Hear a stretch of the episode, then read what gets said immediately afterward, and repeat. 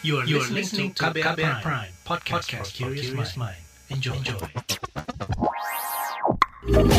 Kamu lagi dengerin What's Trending KBR Pagi.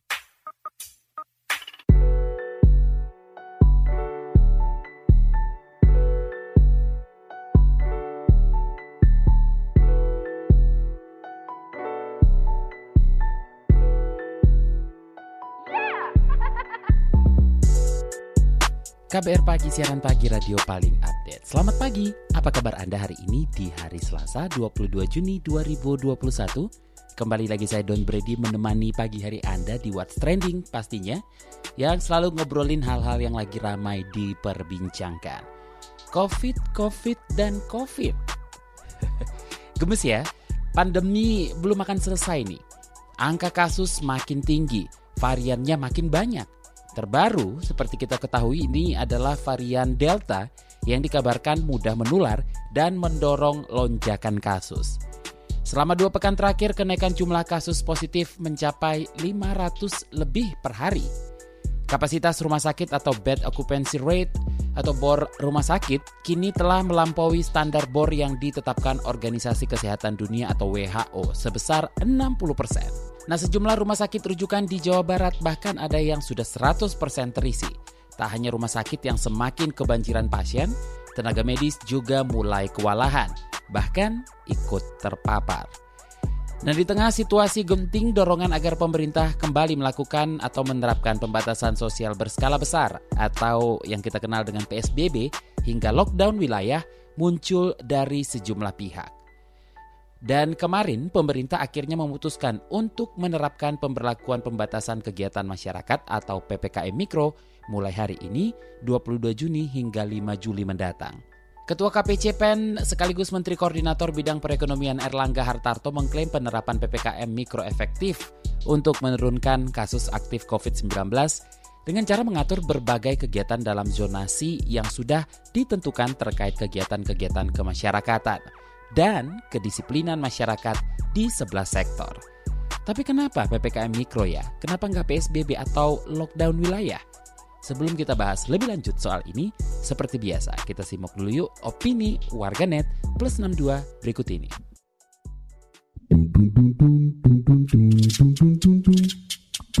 Pertama akun Edgar Chapmas Gila rumah sakit penuh banget. Lanjut ke akun Who Love You 11 Kemarin dapat kabar ada pasien yang mau diantar sama bapak ke RS Karena sakit tapi sama pihak rumah sakit terdekat ditolak. Karena semua ruangan sama IGD penuh.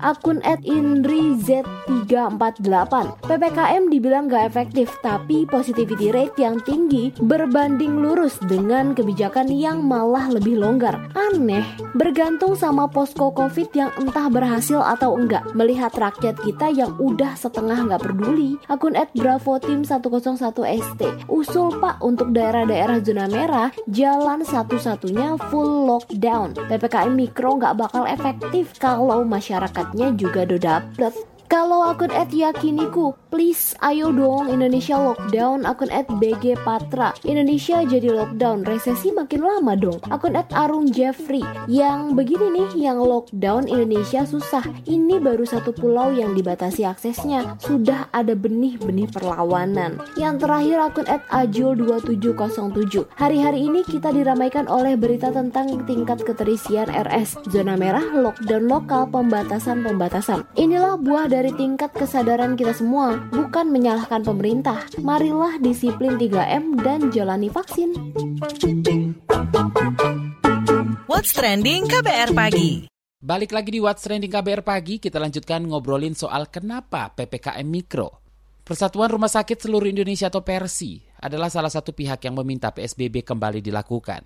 Sekretaris Jenderal Persi, Lia G. Partakusuma, mengatakan saat ini masyarakat sudah tidak patuh dengan protokol kesehatan sehingga jumlah kasus terus bertambah setiap hari dan mengancam fasilitas kesehatan yang mulai kolaps. Sekretaris Jenderal Persi Lia G. Partakusuma saat temu media Persi pada 20 Juni 2021 mengungkapkan betapa daruratnya keadaan penanganan COVID-19 di Indonesia – ini bisa dilihat dari banyaknya wilayah yang keterisian rumah sakitnya merah alias sudah lebih dari 80% keterisiannya.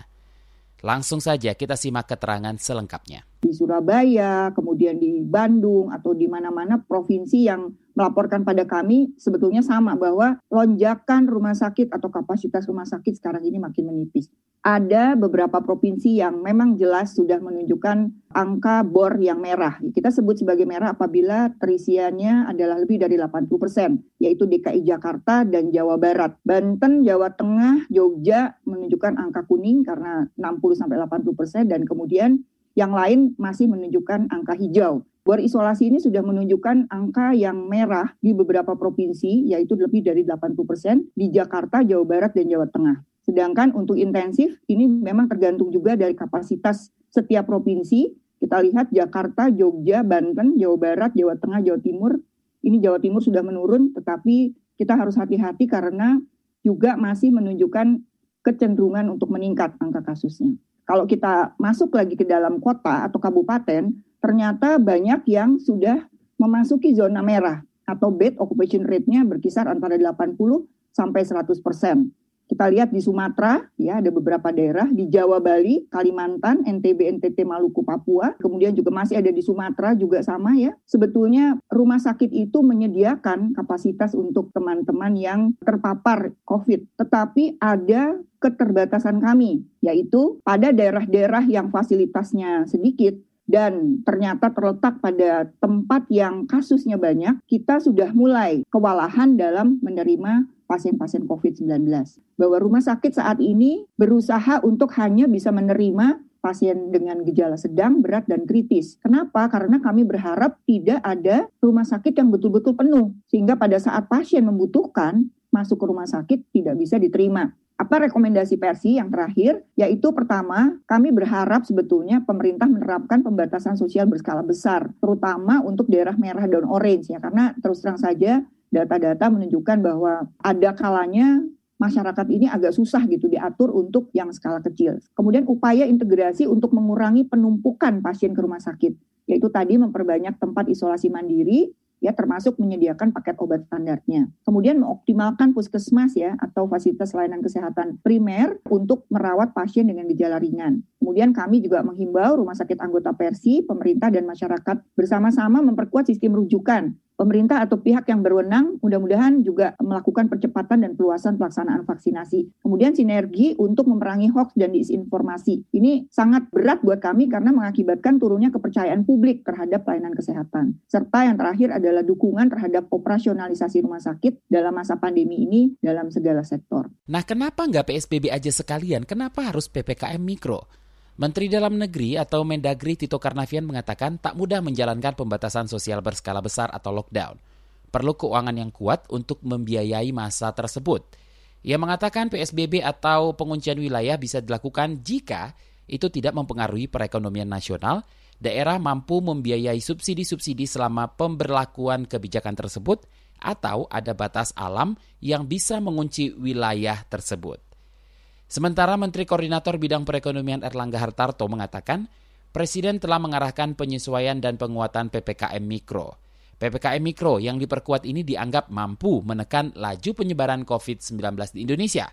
Beberapa aturan seperti bekerja dari rumah 50 hingga 75 persen, terjadi penerapan pembelajaran jarak jauh, pembatasan jam operasional, kapasitas serta penerapan protokol kesehatan ketat pun dilakukan. Berikut keterangannya bahwa yang kita lakukan adalah penguatan dari PPKM Mikro yang mengatur berbagai kegiatan, di mana kegiatan itu dilakukan dalam zonasi yang sudah ditentukan. Jadi itu mengatur kegiatan-kegiatan kemasyarakatan dan kedisiplinan masyarakat di sebelah sektor. Nah terkait dengan PPKM Mikro, kita ketahui bahwa ini di level mikro, di RT, RW, desa, dan berbasis kepada pengalaman yang sudah dilakukan di baik itu di Kudus maupun di Bangkalan yang berbasis kepada kecamatan-kecamatan dan terbukti di Bangkalan, di Kudus, di Kepri maupun di Riau itu berhasil menurunkan tingkat aktif.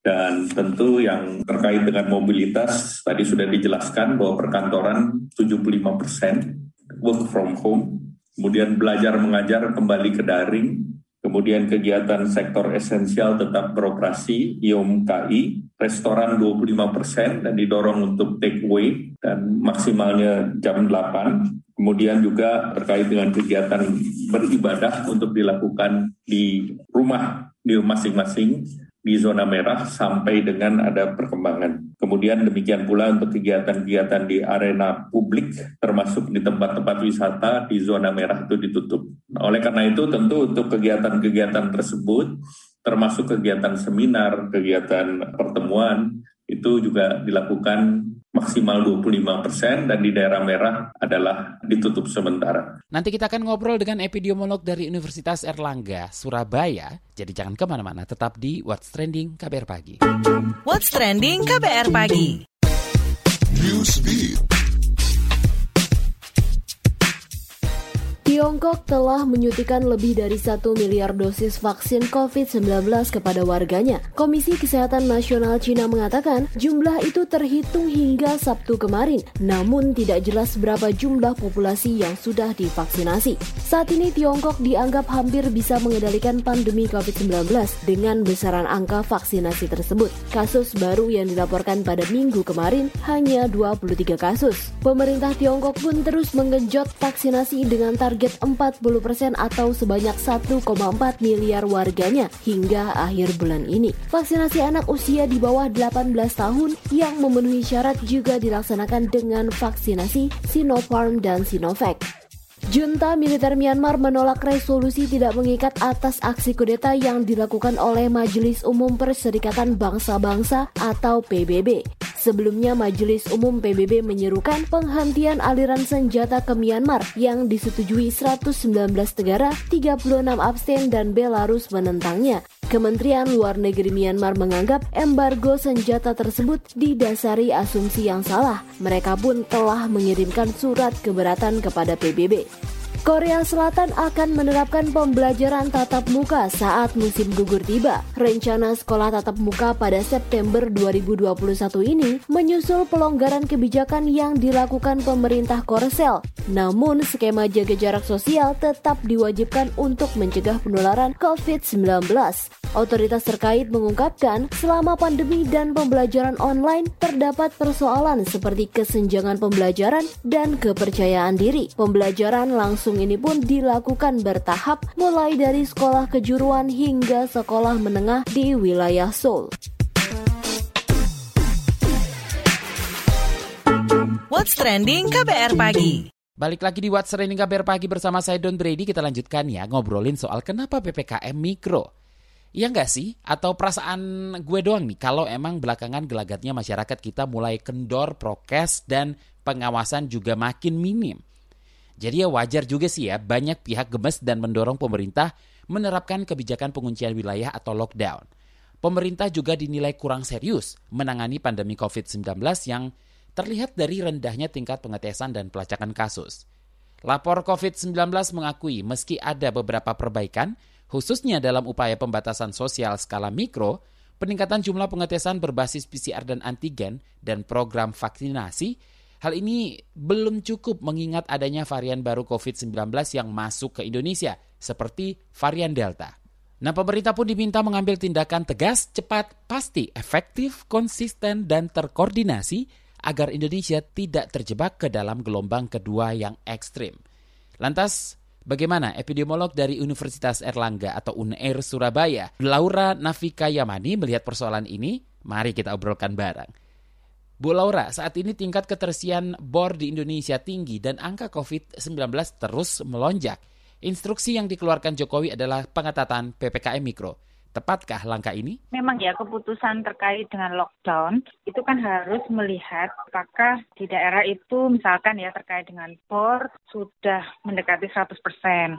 Kemudian yang kedua, apakah fasilitas kesehatan yang atau BOR yang sudah mendekati 100% itu tidak bisa diusahakan misalkan ya memperluas tempat-tempat isolasi, kemudian juga memperluas rumah sakitnya misalkan yang tadinya tidak menangani COVID kemudian diberlakukan bisa untuk menangani COVID. Nah kalau itu misalkan mentok sampai sudah nggak bisa diupayakan ya memang jalan satu-satunya memang harus lockdown nggak hanya sekedar misalkan ya PPKM mikro, tapi kalau misalkan memang yang terdampak dengan kondisi bor yang tinggi, kemudian juga tempat-tempat isolasi yang hampir penuh, itu hanya di satu wilayah, ya tentunya memang harus fokus pada wilayah itu. Ya, jadi harus melakukan lockdown pada wilayah itu. Karena kalau saya lihat memang lockdown ini kan upaya yang terakhir ya. Di awal pun pemerintah tidak berani untuk melakukan lockdown. Mungkin saja sampai saat ini juga tidak berani karena ya konsekuensi ya terkait dengan lockdown ini kan sangat besar ya bagi pemerintah. Jadi harus bisa mensupport kemudian juga memastikan bahwa kebutuhan dari masyarakat ini akan bisa dipenuhi oleh pemerintah gitu kan. Karena kalau lockdown itu kan sudah tidak bisa tidak memungkinkan untuk beraktivitas ya. Banyak pihak menyuarakan PSBB atau lockdown wilayah. Apa mestinya ini mulai bisa dipertimbangkan pemerintah? Ada konsekuensi besar yang harus ditanggung oleh pemerintah ketika melakukan kebijakan lockdown, misalkan seperti itu. Nah ini harus difikirkan.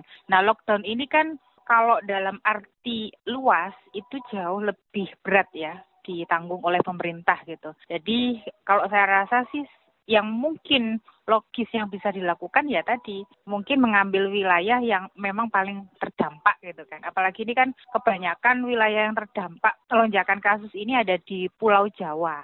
Ya, jadi mungkin lebih baik memang pemerintah ini fokus di Pulau Jawa gitu. Jadi lockdownnya itu ya di Pulau Jawanya kalau saya kira ya. Artinya gini, jangan sampai nanti ketika Pulau Jawa ini sudah kolaps, kemudian ini akan berdampak pada pulau-pulau lain seperti misalkan Pulau Sumatera, Pulau Kalimantan ya walaupun memang di beberapa pulau di luar Pulau Jawa ini kan juga sudah terlihat lah ya lonjakan kasusnya. Tapi kan kalau kita hitung itu memang 50% ke atas ini kontribusi kasus kan paling besar ada di Pulau Jawa ya. Jadi memang pemerintah harus fokus pada Pulau Jawa, kemudian apakah mau melakukan lockdown. Tapi saya rasa kalau lockdown hanya misalkan provinsi ya, Provinsi DKI Jakarta, kemudian Jawa Timur, itu memang akan sangat sulit karena kan penduduknya itu bukan hanya di wilayah itu gitu kan. Jadi mereka mobile. Tapi kalau lockdown wilayah kan maksud saya itu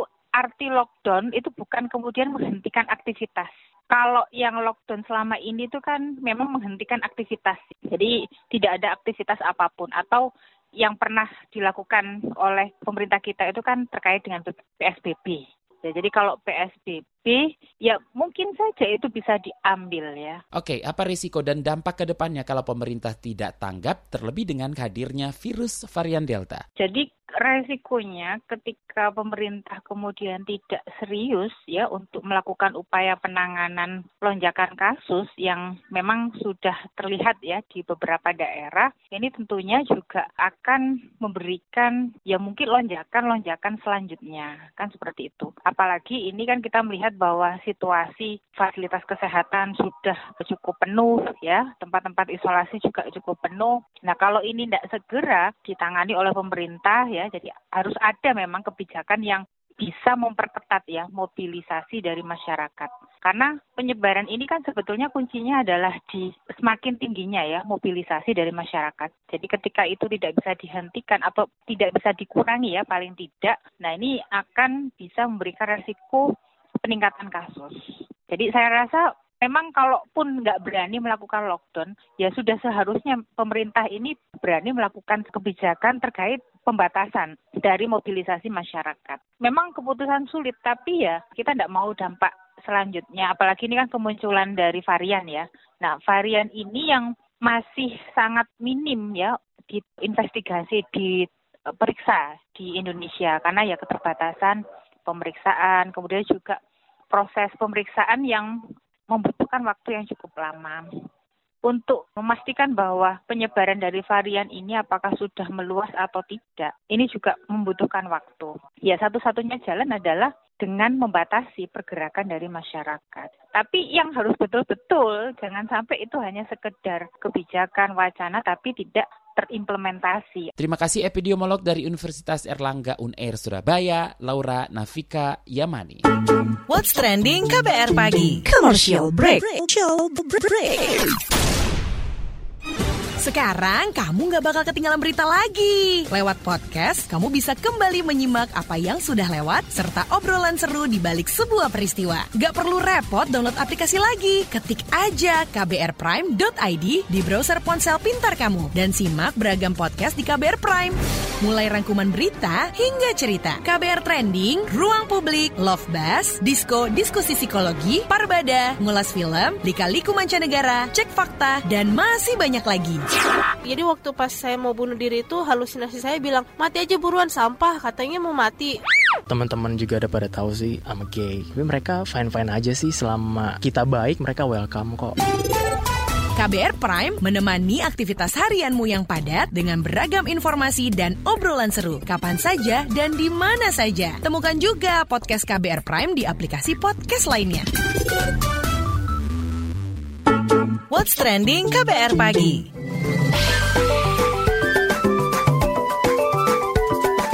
What's Up Indonesia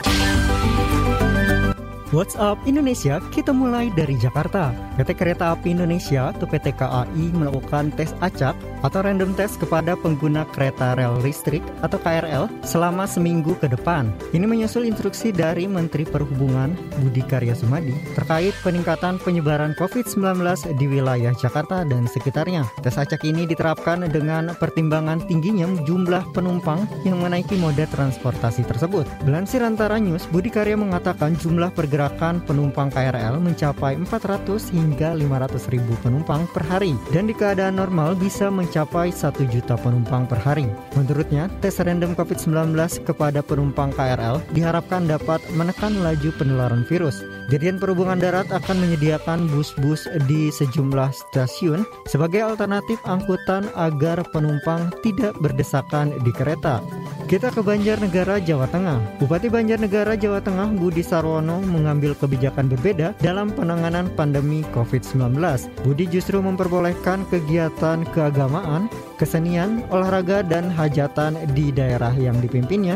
Ia beralasan kegiatan ekonomi dan sosial kemasyarakatan harus terus berlangsung asal tetap menaati protokol kesehatan. Penjelasan Budi ini disampaikan lewat video yang diunggah oleh Pemkap Banjarnegara. Selain itu, Bupati Banjarnegara Budi Sarwono juga meminta masyarakat melaporkan pihak-pihak yang menakut-nakuti masyarakat saat melakukan kegiatan sosial keagamaan. Pelaporan bisa dilakukan ke setiap camat sekaligus ketua gugus COVID-19 kewilayahan. Sikap kontroversial Budi mulai disoroti sejak berselisih dengan kepolisian terkait pembubaran pentas seni kuda lumping di desa Lumbangan.